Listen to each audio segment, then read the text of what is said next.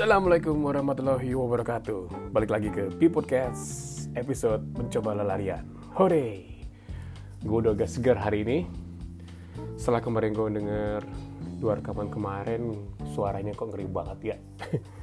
Kayak suara-suara sedang Gimana gitu.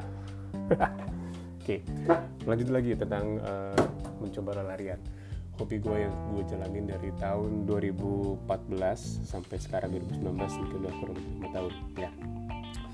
Uh, kemarin gue cerita tentang gimana repotnya lari perbedaan kerepotan lari antara 5 km sama 10 km ya. Terus kemudian half marathon. Uh, gue pertama kali half marathon itu di Bali Bali Marathon 2015 menyelesaikan waktu dalam waktu 3 jam 40 menit. Dan teman-teman gue yang lain mereka menyelesaikan lari dalam jangka waktu 2 jam saja. Jadi mereka menunggu gue satu jam setengah itu sama saja dengan satu pertandingan bola.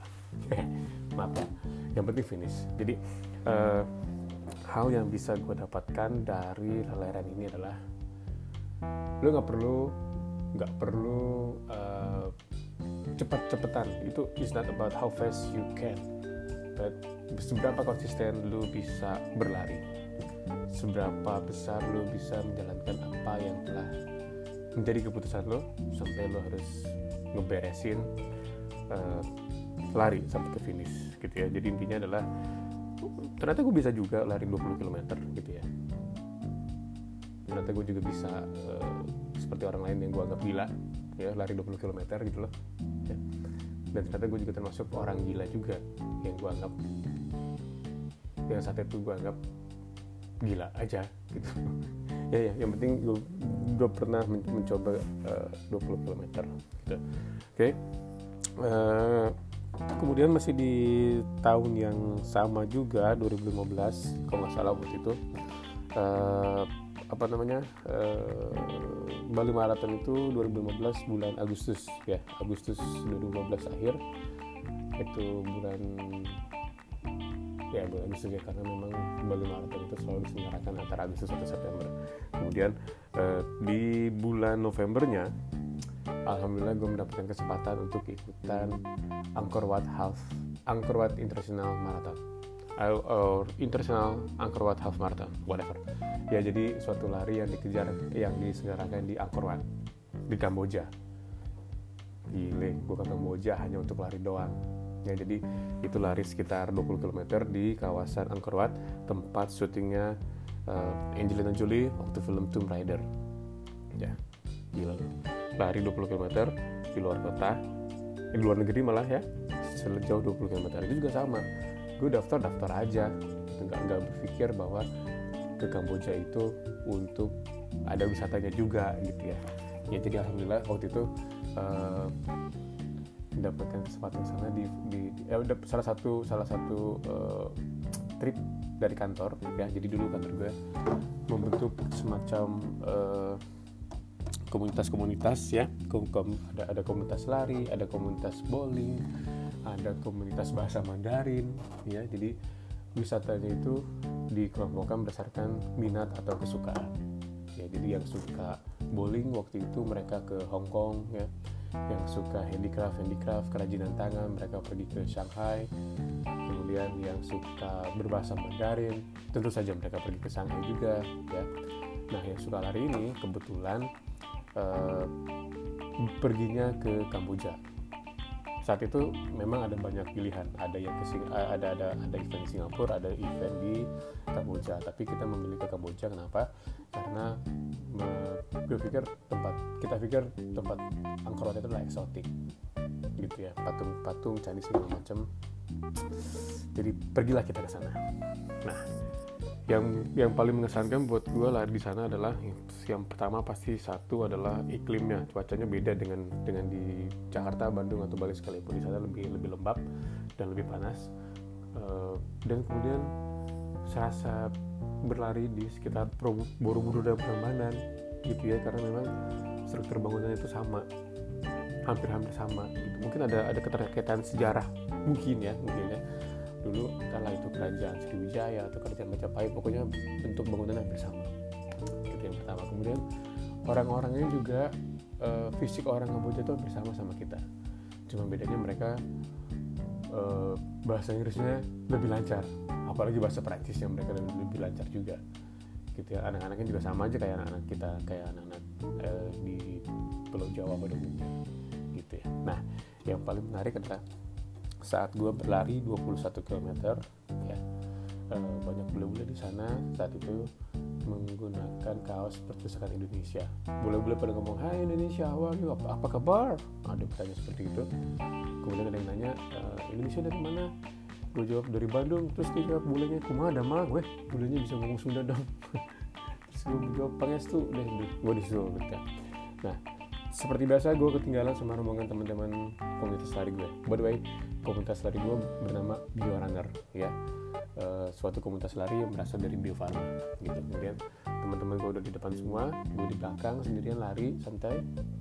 Dan uh, di tengah perjalanan di sekitar kilometer ke 8 atau 7 gitu gue lagi lari ya. Kemudian ada seorang bapak-bapak dia berasal dari Kamboja dan ngajak ngobrol. Nah dia ngajak ngobrol dia nanya dari Indonesia gue jawab ya I'm from Indonesia and then uh, dia tanya lagi sama siapa lo ke sini gue with my friends. My friends sudah duluan di depan gue agak belakang. Terus dia nanya. Jadi selama selama berlari itu dia ngajak ngobrol. Gue mungkin itu cara dia untuk mendistract atau mengalihkan rasa capek lari dengan cara mengobrol. Gue diajak ngobrol pakai bahasa Inggris sedang lari mikirnya harus berkali-kali. Gitu ya kenapa? Karena dia bertanya tentang keadaan politik Indonesia. Bayangin 2015 saat itu uh, kalau nggak salah Jokowi baru diangkat ya jadi dia bertanya gimana keadaan politik Indonesia in English ya. Dan, dan berarti gue harus menjawab lagi dan juga dalam bahasa Inggris. Dia nanya satu dolar di Indonesia itu sama dengan berapa rupiah. Gue bilang 16 ribu dia gak, gak percaya. Masa sih 16 ribu? Mahal banget cang. Ya mahal memang kayak gitu. Ya, kenapa? Di Kamboja ya, karena mereka di Kamboja itu menggunakan dua mata uang. Mata uang Kamboja apa sih? Mata uang Kamboja? Ya adalah satu mata uang Kamboja dan satu dolar. Jadi mereka eh, pedagang-pedagang kaki lima tuh pada pada megang begitu. Dolar gitu ya. One dollar cheap sir cheap sir uh, I give you best price sir gitu kalau kalau di pinggir jalan itu. Gitu. Dia dia dia, dia, dia terus bertanya uh, satu dolar di Indonesia berapa? Gue bilang 16 ribu. Dia really? 16,000 that's expensive. Dia bertanya seperti itu. Terus iya nggak percaya banget sih lah gitu. Dan yang paling epic adalah dia bertanya tentang apa bedanya Syiah dengan Sunni. Di situ epicnya gue nggak ngerti cok. Saat itu gue belum belum belum terlalu paham lah. Uh, paham tapi nggak nggak terlalu mendalam. Ya tentang perbedaan uh, Sunni dan Syiah. Akhirnya gue menjelaskan se se, se sekedapatnya aja. Gitu. Jadi di situ lah uniknya lari-lari di di Angkor Wat ya yang yang gue rasa.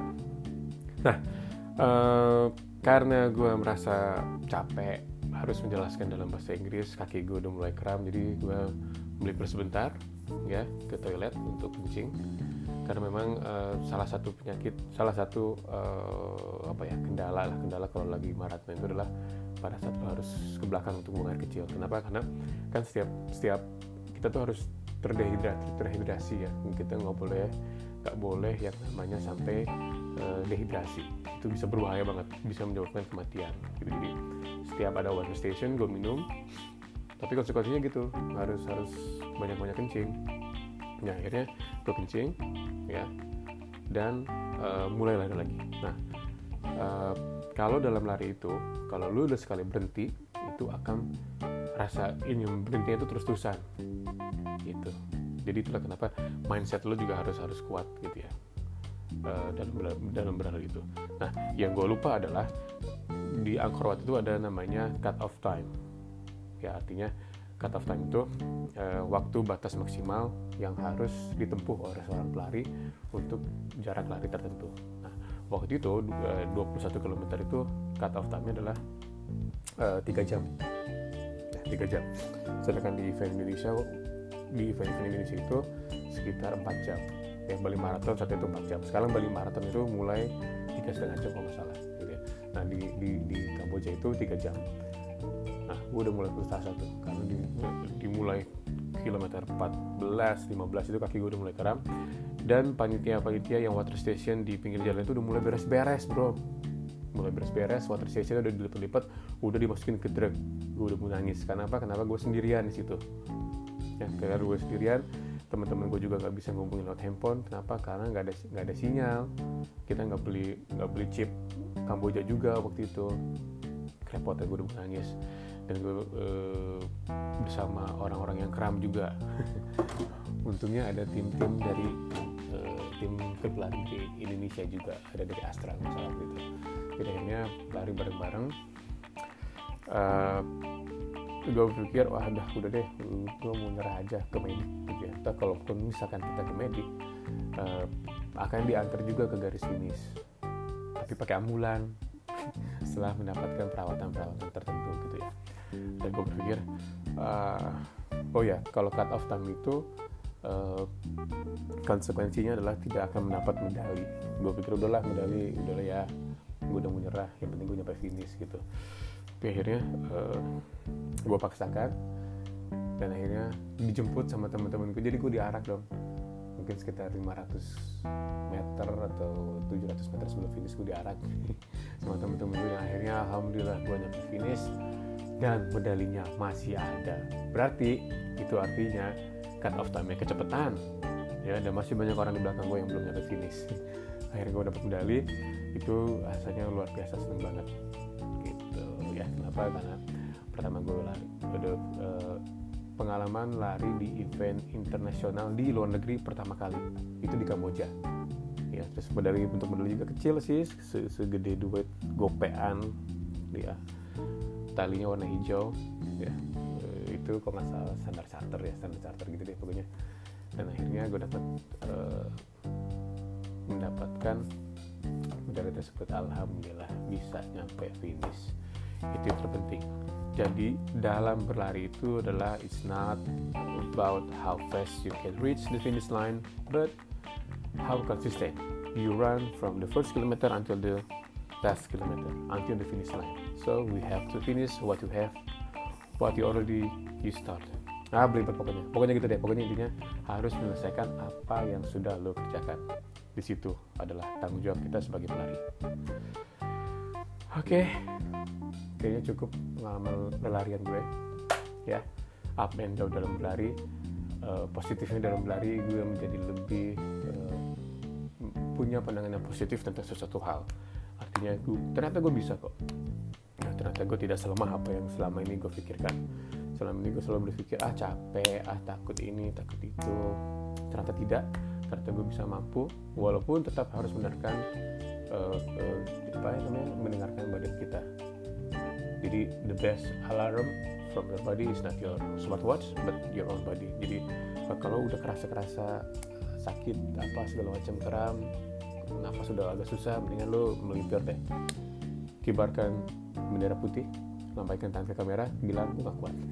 Tapi selama lo kuat ya selama lo kuat terusin aja terus sampai finish. Gitu. Dan yang penting adalah latihan. Latihan adalah kunci ya. Kunci!